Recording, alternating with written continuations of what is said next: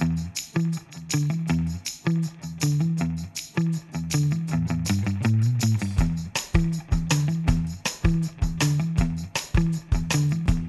Mürekkep Lekesi'nin 21. bölümünden herkese merhaba. Ben Sezai Mert Adam. Bir haftalık aranın ardından tekrar karşınızdayım. Niye bir haftalık ara verdim? Başka işler yüzünden. Bir gün bu podcast e, üretimlerimizi daha da sık, daha da belki haftada iki bölüm şeklinde diğer e, yaptığım üretimlerle beraber çok daha hızlı bir tempoda, çok daha yoğun ve geniş içeriklerle yapmayı umuyorum. Şu anda yönetmiş olduğum prodüksiyon ve e, ajans çalışmalarımı da belki biraz daha değerli toplar getirdiğim girdiğimde buradaki üretimlerime ikinci sezonda en azından 2021 itibariyle çok daha tempolu bir şekilde devam etmeyi düşünüyorum. Ama şimdi de yine sizlerle belli bir e, disiplinde, belli bir rutinde buluşmayı da elimden geldiği kadar sürdürüyorum. Evet bir haftalık aradan dolayı da şimdi işte beni dinleyen naçizane bütün dinleyicilerimden özürler dileyerek 21. bölüme merhaba diyorum. Bir önceki bölümde de zaten bu bölümün habercisi olarak öfkenin devamı olacağına dair bir şeyler söylemiştim. Geçen bölümde bireysel anlamda öfke üzerine konuşmuştum. Öfkenin kaynağı üzerine, öfke neden oluşur, e, nelere sebebiyet verir, nerelere götürür, pozitif tarafları, negatif tarafları gibi e, konular üzerine konuşmuştum. Bugün ise sosyal medyada toplumsal öfke ve nefret üzerine e, konuşmayı planlıyorum. Geçen bölümde dediğim gibi öfke nedir? Mesela faydalı mıdır, zararlı mıdır, neden oluşur soruları etrafında e, öfke üzerine cevaplar üretmeye çalıştım. E, ama orada öfkenin çıkış kaynağından bireyin kendisini birinci dereceden yani birebir kurduğu ilişkilerdeki öfkesine odaklandım. Bir de bunun yanında Yine aynı kaynaktan yani bireyden başlayıp başka bireylerle ortaklaşarak büyüyen ve her bir bireyin artık bir parçası haline geldiği toplumsal öfke yönü de var.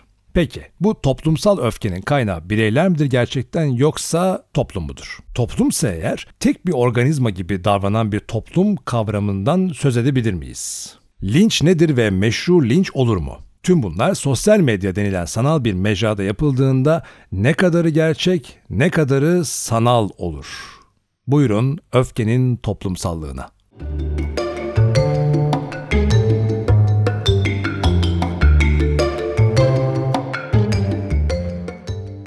Bu arada Mürekkep Lekesi'nin hem e, podcast kanallarındaki yayınları hem de YouTube kanalımdaki yayınları üzerine işte çeşitli bölümlerin altına yorumlar geliyor. Sağdan soldan bazı mesajlar alıyorum.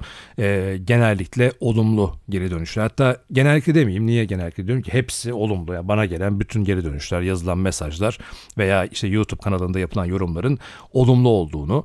E, Facebook'ta yine paylaşıyorum bazı gruplarda yaptığım bölümleri. Bazen YouTube'dan link atıyorum. Bazen işte e, Spotify'dan veya işte e, Anchor FM üzerinden linkler gönderiyorum. Bütün bunların hepsine verilen yorumlar e, tam da istediğim şekilde aslına bakarsanız. Çünkü e, yani olumlu olmasının yanında tabii ki olumlu olması herkes ister. Ama e, tartışma açabilecek, üzerine düşünülebilecek şekilde bir şeyler hazırlamaya çalışıyorum.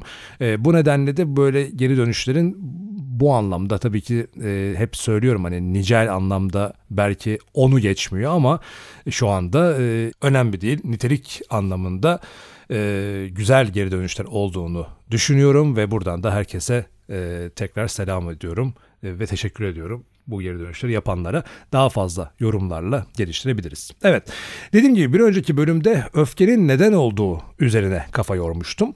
Burada vardığım sonuçlarda e, ana kaynağın kişinin istediğinin olmaması basitliğini vurgulamıştım. Kişinin istediğinin olmaması. İsteğim olmadı. Peki istediğinin ne olduğuna nasıl karar veriyorsun?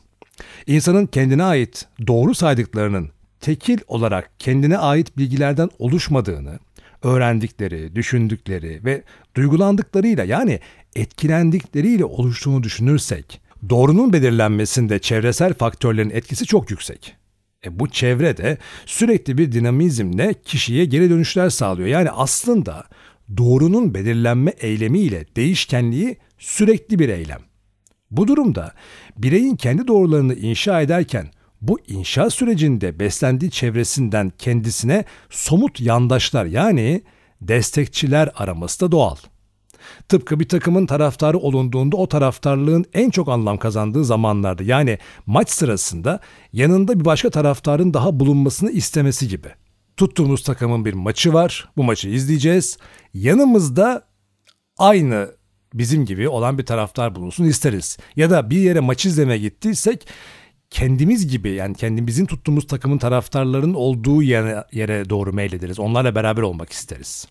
Ama aynı kişi destekçi taraftarı bulduktan sonra bir başka taraftar daha arar. Rakip taraftar. Çünkü taraftar olmasının kökeni olan taraf ancak öyle somutlaşacak ve taraftarlığı da ancak o şekilde anlam kazanacaktır. Bu taraflaşma ve taraftarlaşma hali bir yanda dursun. Yeniden öfkenin ilk çıkış kaynağına geri dönelim. İstediğimizin olmaması demiştik. İstediğimizin olmaması öbeğinin altını çiziyorum. Keza bu pek çok eklemeyle genişletilebilir bir zemin. Mesela örneklerle somutlamaya çalışalım. 250 ee, bin liralık bir araba almak istiyorum ama böyle bir param yok ve bu parayı kazanmam da önümüzdeki 5 yıl imkansız görünüyor. Sosyalist bir ideolojiye sahibim ama yaşadığım toplum bu ideolojiye göre yaşanacak hayatın çok uzağında ve ben her gün istemediğim bir dünyaya uyanıyorum. Dindarım ve insanların da benim inancıma göre yaşamasını istiyorum ama dindarım diyenler bile bunun çok uzağında. İşte bu işte daha fazla çalışmak istemiyorum ama geçimimi sağlamak için başka bir alternatif bulamadığım için istifa edemiyorum. Şu kadına aşık oldum ama beni hiç istemiyor. Onunla ilişkiye başlama şansım yok. Sonsuz alandan ve zeminden örnekler türetilebilir. İstenilen ve olmaması. Eğer bu durum süreklilik arz etmeye başlarsa yani olmama hali artık normalleşirse kişinin yüksek oranda eğilimi bunu kabul etmek olacaktır. Ama o öfkenin kaynağının tamamen ortadan kalktığını iddia edebilir miyiz? Taraftarlar ne güne duruyor? Hiç sevmediğim ve tehlikeli bulduğum ve ana akım televizyon medyasının da hala sıklıkla kullandığı bir kalıp var. Öfkeli kalabalık. Bunu az önce konuştuklarımız üzerinden şöyle açabilir miyiz? Bir konuda öfkeliydim ya da öfkelendim ve ardından benim gibi öfkeli başkalarını bulup birlik oldum. Örgütlenmiş öfke. Yoksa öfkenin örgütlenmesi mi? Eğer siz haklı olduğunuza inandığınız bir konuda örgütleniyor ve bunu da önceki bölümde söylediğim gibi öfkenin itici gücüyle yapıyorsanız haklılık üzerine bir güç kazanarak salt ihtiyacı gidermek için görece anlaşılabilir bir harekete giriyorsunuz denilebilir. Oysa salt öfke örgütlenirse o zaman sonuçtan çok başka tatminlerin de elde edilmesi söz konusu olur mu? Yani öfkeli kalabalık aslında tehlikeli bir yol mu? Öfkenin kelime kökenine bakıldığında Türkçe öpke, B ile öpke yani akciğerle eş anlamlı olduğu görülüyor. Yani böğründen gibi, böğürden gelen, böğür, hani var ya böğür, ciğerden gelen gibi öfke. İngilizce'de ise heat yani ateş, kızgınlık üzerinden öfkeyle aynı anlamda kullanılabiliyor. Yani bir yükselme, ısınma söz konusu. Öyleyse bunun tersi yani düşme ve soğuma da var. Öfke nasıl kızgınlık ve yükselmeyi çağrıştırıyorsa ikilikler üzerinden düşme ve soğumayı da düşünebiliriz. Yani öfkenin dinmesi dediğimiz durum hala orada bir seçenek olarak duruyor. Geçen bölümde yine değindiğim Philip Hodgs'un Büyük Öfkesi oyununda Hodgs aman öfkem geçmesin diyordu ya öfkenin geçmediği ve kesintisizlik kazandığı durumlarda çatışma ve devamında nefretin de süreklilik kazanması kaçınılmaz. Ve taraftarlıkların yani taraf temelli örgütlenmelerin öfkelerini diri tutmakta daha kolay olacaktır. Sosyal öfkenin sanal hali olarak karşımıza çıkan sosyal medyadaki öfke de böyle bir şey. Buradaki öfkenin sürekli hale gelmesinin iki önemli güç kaynağı var. Biri sanal olması, diğeri de tatmin. Sosyal medyadaki öfkenin arka planında var olan fikir, düşünce, inanış gerçek ama bunun aktarılış biçiminde sosyal medyanın sağladığı gerçek dışı iki güç kaynağı bunlar. Sanal çünkü orada fiziksel olarak karşı karşıya geldiğiniz birisiyle iletişim kurduğunuzda kullanacağınız sosyal filtreleriniz ve asgari nezaketinizi de bir yana atıyorsunuz. Düşünün bir. Sosyal medyada bir görüşüne katılmadığınız ya da katıldığınız, yorum yapacağınız, cevap vereceğiniz bir hesabı hayal edin. Karşınıza bir yorum çıktı ve siz ona karşı bir cevap vereceksiniz. Şimdi tam o noktada yine sosyal hayatınızda gerçekten fiziksel olarak karşılaştığınız bir insana ona katılsanız veya katılmasanız vereceğiniz cevaptaki halinizi hayal edin. İkisi farklı değil mi?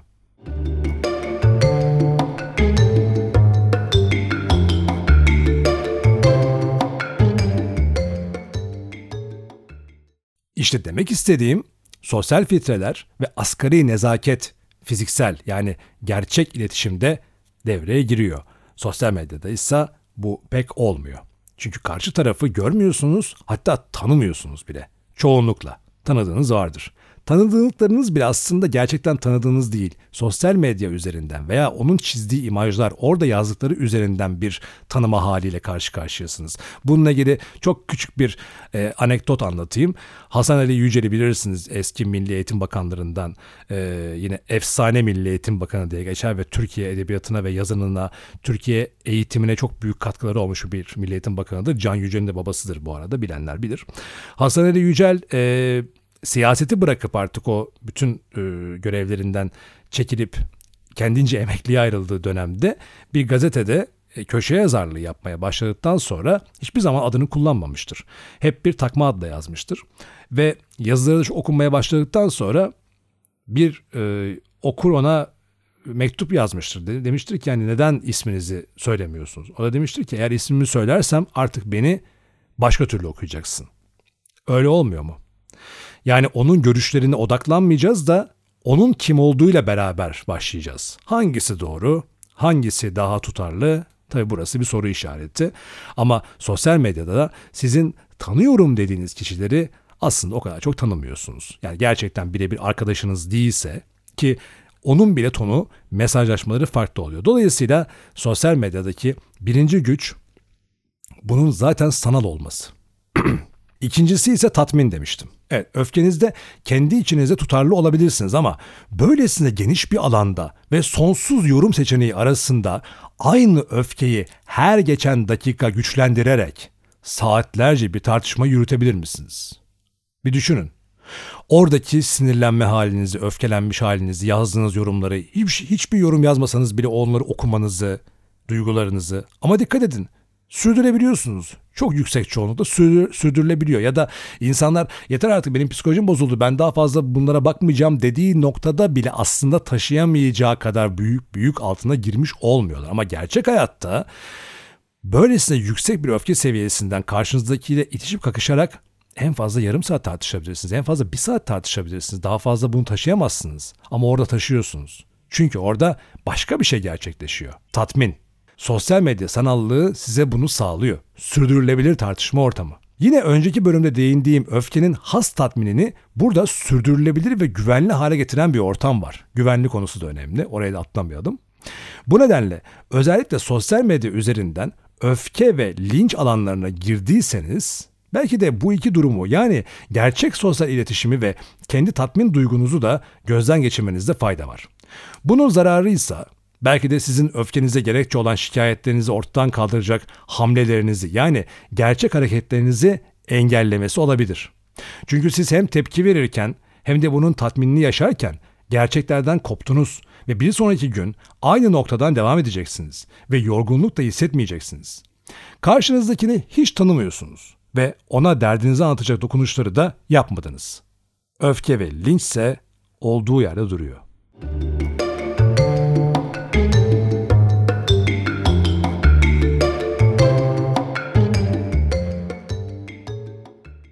Tehlikeli bir konu olduğunu baştan belirttiğim öfke konusunda geçen bölümden sonra bu bölümde sosyal ve kalabalık tarafına, öfkeli kalabalık hiç sevmediğim dediğim öfkeli kalabalık kısmına girip sosyal medyadaki linç psikolojisi üzerinden düşünülecek alanlar açmaya çalıştım. Dediğim gibi öfke kontrol edilebilir bir şey ama ortadan kaldırılabilir bir şey değil.